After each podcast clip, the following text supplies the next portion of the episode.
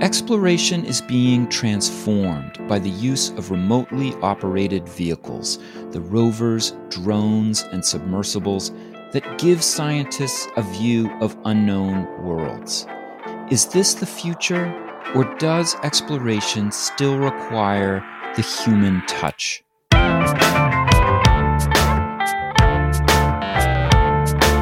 It's time to eat the dogs. I'm Michael Robinson. Today, Bruce Strickrott talks about the value of human exploration of the deep sea. Strickrott is the program manager and senior pilot of the United States' deepest diving science submersible, the DSV Alvin, which is owned by the U.S. Navy and operated out of Woods Hole Oceanographic Institution. Strickrott has participated in over 60 science expeditions worldwide and piloted over 365 dives in Alvin, spending over 2,000 hours underwater. Bruce Strickrott, thank you so much for talking with me. You're welcome. It's uh, great to be on your show.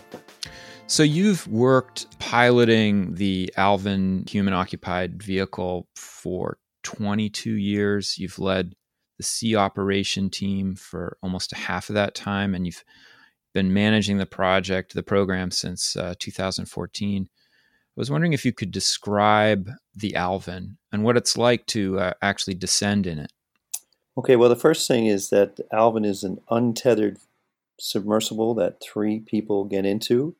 And when we go into the water, we're separate from uh, the ship, the mothership, the Atlantis, and we, we're not we're free ranging. We, we are controlled by our own desires and missions within the submarine. Uh, Alvin's about 23 feet long and it operates off of a 274 foot research ship. Again, that's the research vessel Atlantis. Both the ship and the sub are U- United States Navy owned, civilian operated, and governed by uh, United States National Oceanographic Laboratory System. And the, the submarine is part of the United States National Deep Submergence Facility, which is uh, resides at the Woods Hole Oceanographic Institution. Now that's a lot of different places, but effectively what it is is a publicly a public asset for scientists to use to get to the bottom of the deep ocean. And uh, there are two other partner vehicles within the facility: the remotely operated vehicle Jason, which is a tethered vehicle that can operate off a number of ships, and then the autonomous vehicle Sentry, which is effectively a robotic submarine that operates without tether and without people. Well, the three vehicles provide the sort of these various and, and supportive technologies for scientists to use to do research in the ocean.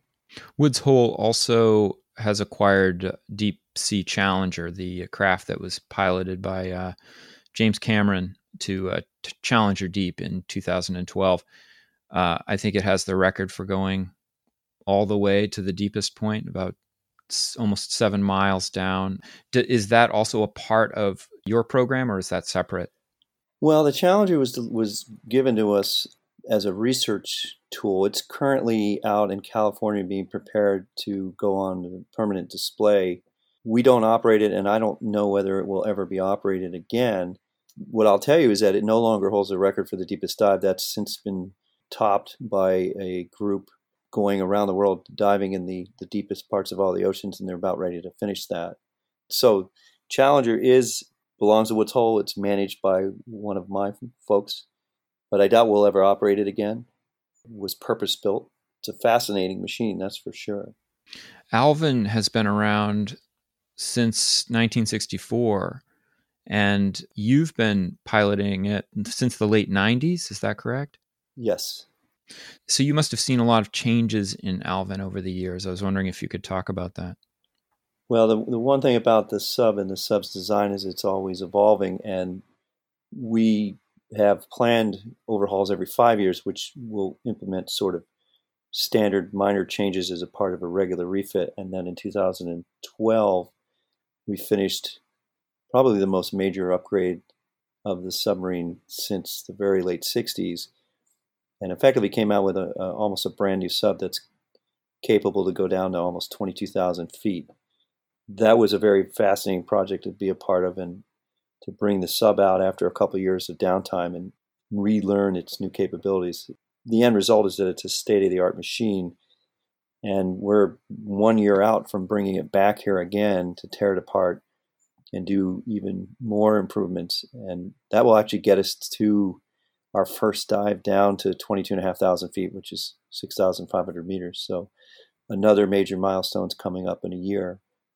And if you were to come here and meet any of the engineers that we work with, you'll find that no sooner do we finish putting it together, we're immediately thinking about how to make it better and how to implement new technologies.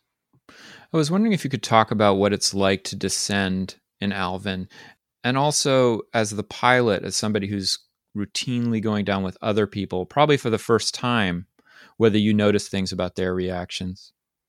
Well, the for me, I mean, I can remember my first dive, which was uh, sensory overload, just getting in the sub and then getting underwater. But once you get used to What's it, what's the sensory overload? Um, well, when you when you climb in there for the first time, it's a it's a pretty high tech interior. It looks a lot like a spaceship, and there's touch panels and switches and lights, and it's pretty comfortable. And as an engineer, when I first got in there, it was I just wanted to know what everything was, and then then you're in the water and you're sort of you're in the process as well as as being in there. I had I had been in before, but I hadn't been underwater. So your first dive is is a it goes by very quickly. But for a scientist, they often will work years to get the chance hmm. to get a dive, and typically the night before they're excited, and then we get in the sub, and we're in the water at eight o'clock in the morning, and there's music playing, and it's kind of a it's a comfortable environment, and uh, then it take then we we're underwater about 8.05 in the morning and it takes us about an hour and a half to get to the bottom transit down, it's it gets dark fairly quickly. We typically leave the lights off, but we we can look out the window and see the bioluminescence as we're passing through.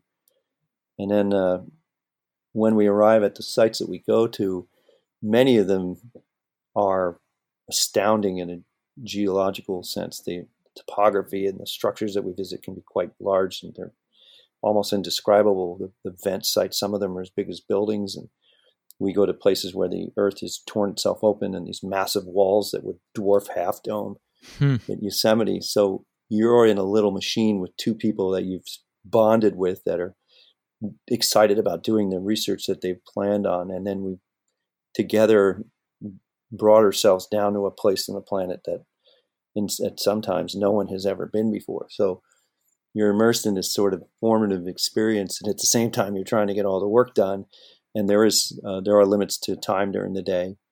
And typically, what happens is the day goes by very quickly, and then it's time to go back up.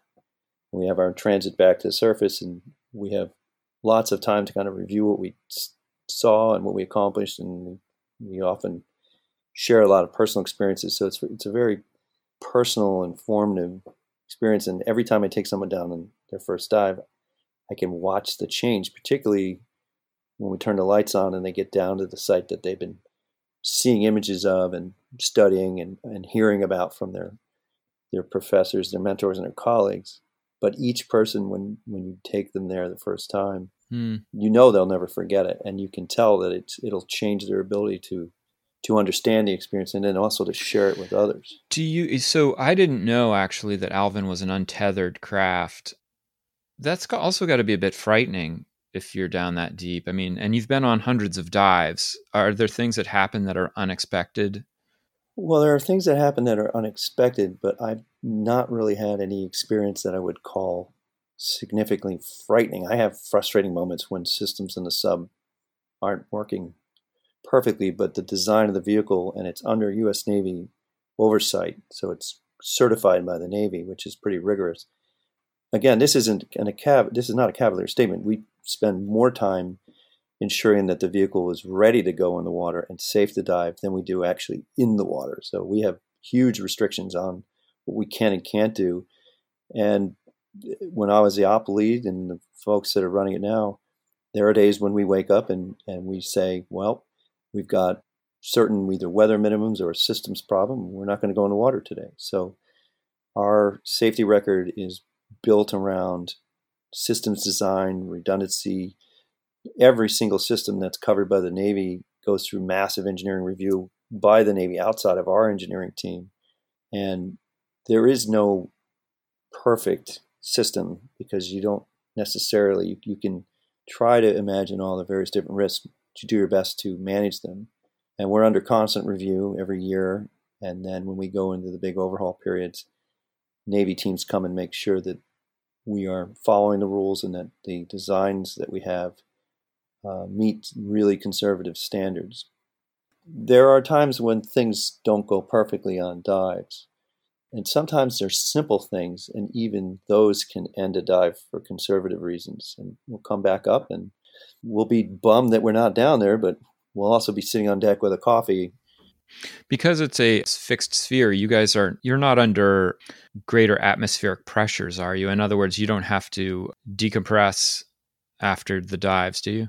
No, in fact, that's that's a common question. So the, the, the sphere there's a the submarine is 23 feet, but we're in a six foot sphere made out of titanium.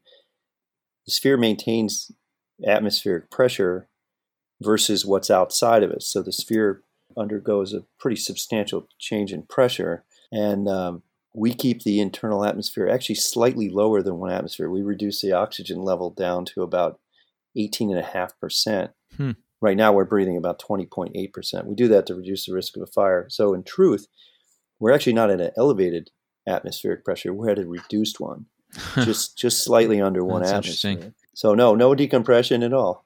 Yeah, you mentioned some of the awe that was created by piloting Alvin through hydrothermal vents, and I just realized this as I was I was looking at your work that hydrothermal vents had only been discovered in the late 70s. I guess Robert Ballard and a Woods Hole crew of researchers found hydrothermal vents off the coast of South America. You must have done a lot of dives around them, and uh, I was wondering if you could describe what it was like the first time you saw them, and and also just the kind of science that people are doing in Alvin around these vents. Well, the one thing is people will have an impression of what the vents are like, but they're as different in the different places around the planet that we found them as you can imagine, in some cases they're small and they're, they're spires and they're in the middle of a of the actual plate boundary. You have to imagine you're in a submarine in a linear volcano, a canyon, flying along this submarine canyon. It looks like something out of Star Wars. You know, when Luke was flying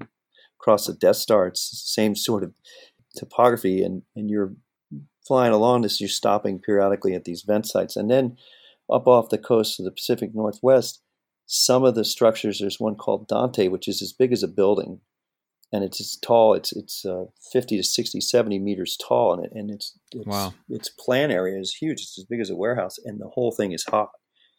And to to work around that thing is astounding because it's it's a huge heat mass, and the whole thing is heating the water locally. And as you come up to it, it's covered with life. It's bizarre, and you're in a submarine that is neutrally buoyant, and as you get close to that water, the upwelling actually starts to move you upwards. And there's a site nearby there called Godzilla, which is a big, tall spire as tall as a skyscraper, and it dwarfs the submarine. And in the Atlantic, there's a site called TAG, and there are structures there that look like something out of a Tim Burton movie that have formed naturally huh. with, with these bowls that stick out, and there's thousands of shrimp that live in there. These are just examples of, of you're in the midst of these environments and you're maneuvering around all the hot water, which is pretty easy to do. And then you park and you'll do sampling and you'll stick a temperature probe in there, and the temperature will go up to 350 or more centigrade, which is uh, sort of a nice reminder that, that you don't want to get too close to it. And we've also done some interesting experiments driven by students' questions. We've taken an egg. Eggs can actually handle the, the, the transition, stuck them in there and second later brought them out, brought them up, see what they do. So I mean, we we've had some fun. Most of what we do is specifically related to questions about uh, the chemistry of the water, the animals that live near the water, specifically the ones that live in the warm water, uh, the subsurface microbiology, and then of course the ge- geography and geology around there. The area that we go to a lot down in the middle of the Pacific is a small portion of a huge linear volcano. It's we we go to a, a tiny fraction of this global feature, and we've gone back there years after years, and about every ten years it erupts. You get to know the place very well. You know the structures. You know the you, you can navigate around by memory, and then you go back one day, and it's been completely wiped out, gone. Everything that you used to remember is completely gone. and it's spooky because it's all black. All the new lava has rolled in, and what it reminds you is that you could be down there one day and it could actually erupt. So you, you have to keep that in your mind and remind people mm-hmm. that you're in a submarine number of miles underwater in a volcano. And people might be thinking, I would never do that, but I, I would challenge you that if you had an opportunity, you'd want to do it because it's a pretty eye-opening experience, and it's fun. On top of all the, the serious nature of the work, it's a really enjoyable experience. In fact, this idea of uh, being eye-opening as an experience, I was reading an essay by Jeffrey Marlow, a geobiologist at Harvard, uh, who was writing a wrote a piece in the New Yorker about this kind of debate between human exploration and telepresence, remote exploration. And uh, this is a dividing line that uh, has become important to you in your work. And I was wondering what you make of this conflict, or is it really a conflict? Well, I, I don't think it's a conflict, and I don't think it needs to be a conflict. I think the appropriate discussion is the same as what tool do you use for a particular project? And you don't have one wrench or one screwdriver that does everything. And as, as simple as that may seem, the value in these capabilities, telepresence is a hugely valuable capability. It, it, enables many people to participate, but that doesn't mean that the ability to take people to these places is no longer important. That argument is just an easy one to use to sort of promote resources. And I would say that if there were enough resources, there should be plenty of opportunities to take robotic vehicles down. There should be opportunities to take the remote vehicles with telepresence to expand people's ability to participate. And there should be more than a few capable high tech man vehicles, human occupied vehicles, mm-hmm. to ensure that that experience and value is maintained. And again, I, I steer away from the which one is better because I think that's just not an accurate. It's too easy for people to fall in the trap of saying, we don't need to go there anymore because we can turn on a television and watch it. And I would use this as a metaphor or an example. I've been to the Grand Canyon. I looked at it on videos before I went there, and I looked at the maps and I studied where I wanted to go, and it informed me of, of what I thought it would be like. And then I went there.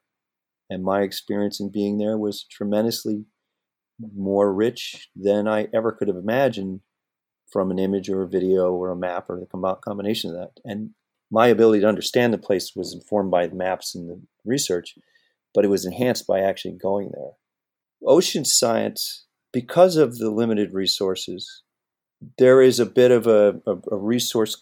It's competitive in, in a way, right? I don't think it's meant to be. I think it's scientifically competitive for the right reasons but there are limited resources. And that drives this argument and even the premise that you can replace what we do with a man vehicle with robots. Replace. I didn't say you can't one or the other. It's a dumb argument. And I like to use the analog that NASA doesn't have that problem.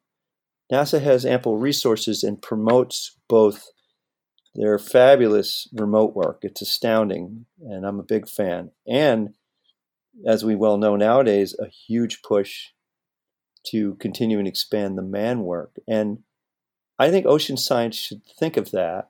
And I can give you a number of really interesting observations from my own time here. And I think we're on the verge of making some critical mistakes, at least in the United States, uh, with respect to our ability to do what we're good at, which is to take people to amazing places. So, what do you see as the mistakes we're about to make? Well, so for example, there's a book by a man named Busby from the 70s. It's a big fat binder that I have on my wall here, and it's the history of United States submersibles. It is page after page after page of all these various different submersibles in the 60s and 70s and into the 80s that they used to do research or exploration or engineering and they're almost all gone. I mean, we're at hmm. a point right now, I had a, I got an email from the folks out at Hawaii that run the Pisces submersibles. Those are pretty much not operating, and they're not operating for a number of reasons. The two submersibles that were operated by uh, Harbor Branch Oceanographic, the two Sea Link submersibles have been done and, and mothballed pretty much permanently for well over a decade. And in the United States, the number of submersibles like Alvin that are either publicly operated or at least are privately operated solely for the use of scientists is down to almost one, that being us, and the rest are either entrepreneurial or they happen to be owned by billionaires. So, capability, I mean, we can take a look at, again, the space program as an analog. Capability is a very good thing to maintain, but a very hard thing to re-achieve. Interesting. If you look at when Challenger went offline and look at the efforts and time it's taken, not yet successfully, to put people in space on a United States flown asset, it takes a long time to reestablish that. From a technical point of view, I see what you're saying that this is a kind of area of expertise that you lose it unless you use it. But what do you see as being lost in terms of research or? Well, the first thing is to dispel some messaging that goes out there. And I've, I, you can see these, they're persistent, they're pervasive, they've been around for a long time. And that's the idea that the experience that you have within a sub like Alvin is marginal, it's restrictive, it's uncomfortable. Uh, I just read a quote by Ballard. It's not new. It's from the 80s, but he talked about cold and teeth chattering. And, and those are manufactured, and that the view is restrained and that the technology in the vehicle is old. Uh, there was a quote when we were updating the sub back in 2012 that it's a direct quote. It said that uh, the person, I won't mention names, but the quote said, I like the smell of mimeograph machines, but I don't choose to use them to copy paper. And that was specifically made to promote a different vehicle and resources. It was absolutely couldn't be any further from the truth. I could line you you up with two folks that just did cruises with us that their ability to do their science was was supported and enhanced by their ability to be there. So your question is, what are we losing? Again, it goes back to the idea uh, uh, of presence and telepresence being part of the same thing. They're two sides to the same coin. If we need to maintain both capabilities because they both provide people opportunity and access to places that are hard to get to, but with different experiences sort of augmenting one another and different capabilities that can be well used, particularly if you examine what the vehicles are good at. Could you give an example? You, you mentioned a couple of people who you felt like their research was augmented by being there. So we just did two cruises. They were both uh, off. One was off the west coast, off of Monterey, and uh, one was that started there, went south down to the middle of the Pacific where the giant tube worms were.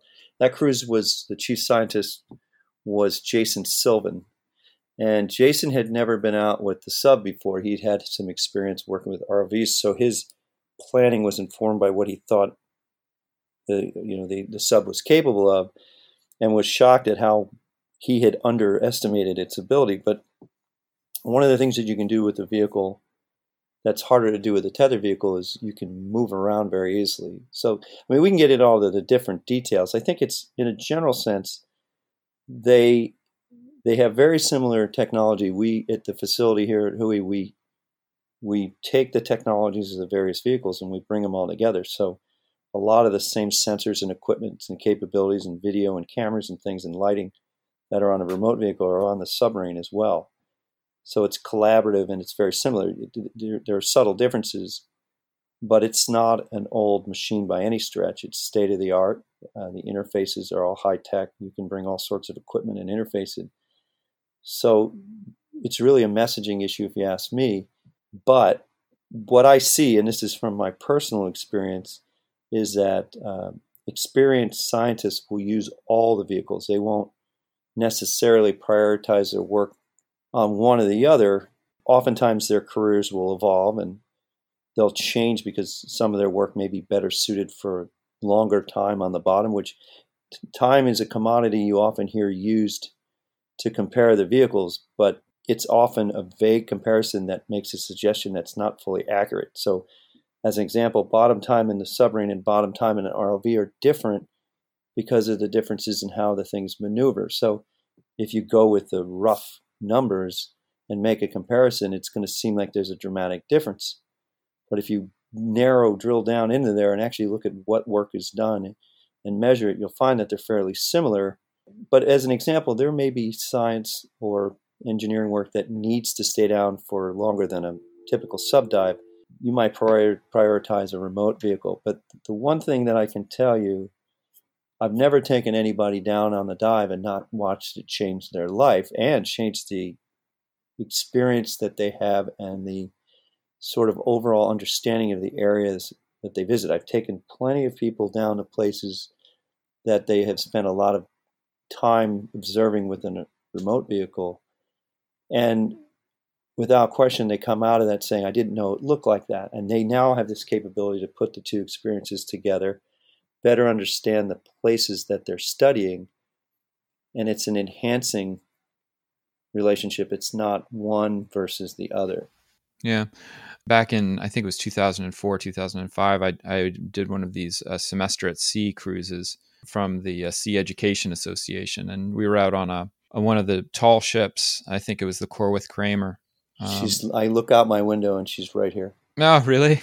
That's Parked great. right smack out my window. I can see the mast right here. Yeah, so we were on the Corwith Cramer, and and uh, you know it was only a five day cruise, and I'm not a sailor, but um, it was really interesting because we were on the watch system and uh, you know so my sleep was all screwed up and it was really hot and um, people were suffering from seasickness and uh, we hit squalls and even though it was in no way let's say a 19th century voyage it made me think a lot about some of the people i've studied like darwin and thinking jesus he had to be collecting specimens and stowing them on the ship and actually doing work in this kind of environment for years. And and that was actually very useful to me as a as a researcher because it gave me an experience uh, not darwin's experience but let's say it raised questions in my head that I, I wouldn't have had if i had just read about it in a book. Right. So experience matters and it it's not to suggest that either one of them is less worthy.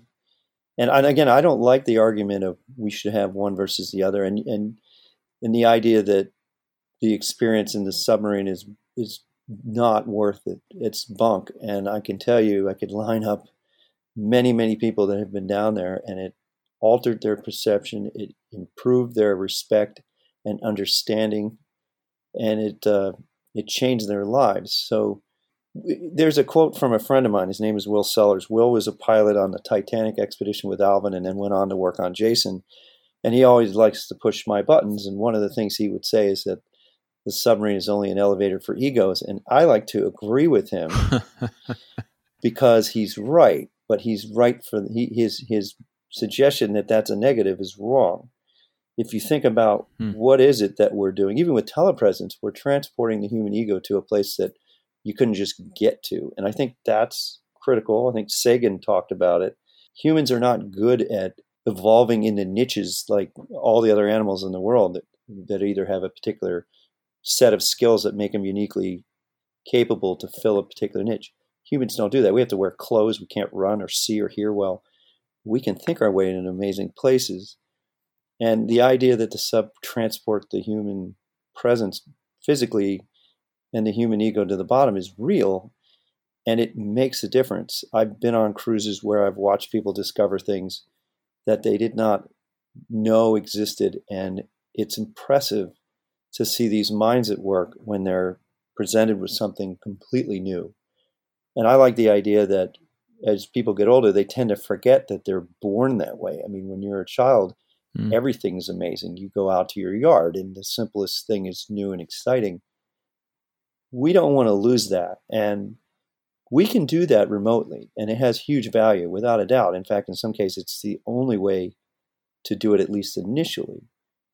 But I, you'll never convince me and many other people that that is an exclusive end game, and that the ability to put people into these places can be replaced. It's just craziness. I was looking at some quotes for my talk next week. I can give one to you I like in particular if you don't mind. Yeah, yeah, of course. So this is Edwin Hubble. You know who Hubble is, of course. Sure. Yeah. He changed the whole nature of our understanding of the universe. He said, equipped with now again, this is, these are older quotes, so they tend to stick to the male pronouns, but I'll say it how he wrote it or how he spoke it. Equipped with his five senses, man explores the universe around him and calls the adventure science. What's key in that quote is five senses. I, I would argue that there there's sort of the five senses are the, the base senses, and then your ability to knit them together is how we see our way around things. If you take some of the senses out of your experience, you can learn a lot, and you can certainly get a lot of quality information data that will inform how you solve problems or understand or answer hypotheses. But if you have the opportunity to, to, to, get all five of them there, you're going to have a different experience. I wouldn't argue that it's better or worse. I would just say it's different and that it's important and that the difference matters. Let me uh, play devil's advocate here for a minute. I see what you're saying, which is that if you, you put a human in a sub, that you're getting information uh, and experiences from all this incredibly rich matrix, right, of of sensations. But a lot of the times, the difference between remote and human exploration is also an issue of money. Now, not I don't know the marine context, but certainly in, in the context of space, to put rovers on Mars is possible. And in fact, these rovers have been going for years, uh, actually just retired recently. But to put humans on Mars is vastly more difficult, risky, and expensive. Do you feel that there's a kind of cost benefit analysis that we have to make about, about these questions? Well, my experience is there's an argument that um, putting people in the water in a sub is more expensive than an ROV, and I can tell you that's not true. Hmm. Um, it's it, it's comparable, and again, if you just look at numbers, dollar numbers, I know for a fact that our vehicles operate on similar budgets, and if we do the same number of days as the ROV, we're actually less expensive. But again, that's an easy comparison to make. You can throw it on a table in front of someone who only wants to look at the, the, the dollar signs, and they won't really get an understanding of how the tool can be used and what the value is, right? If you compare the amount of money used for ocean research with the value that it that it delivers, it's extremely, it's a great payoff. So it is a we can get way buried in the resource question and and I think that it's important to understand value in money, public money that's spent. But I also look at the planet and realize that we're a, water planet with animals living on rocks nearby who are hugely impacted by the health of that water. Yeah. I love actually having your um, input on this because this is a dilemma, a debate that's taking place when it comes to Antarctic research and underwater research and space exploration. So it's uh, extremely timely. And I'm super happy to have your point of view on it. Well, let me, before you go further, one thing there's not a lot of downside to doing research off planet. There's a fair bit of downside to certain interest groups doing research on the planet, particularly if it verifies or underscores knowledge that counters a particular economic goal from a business sense. So, so think of it like that, right? I mean, we go study Mars, you know, bully for the humans. We study the ocean and the impact uh, on our climate. That has potential risks to existing paradigms. You know what I mean? Yeah. So, in other words, it's political on Earth. It's not so political if we manage to do it on Mars. Well, everybody wins when we go to Mars, right? Yeah. And I'm a, I'm a big fan. I want to go there as much as anybody. In fact, I've applied to be an astronaut. Hmm. So uh, Alvin is about to finish a big refit. Um, what kinds of projects is that going to allow Alvin to do in the future?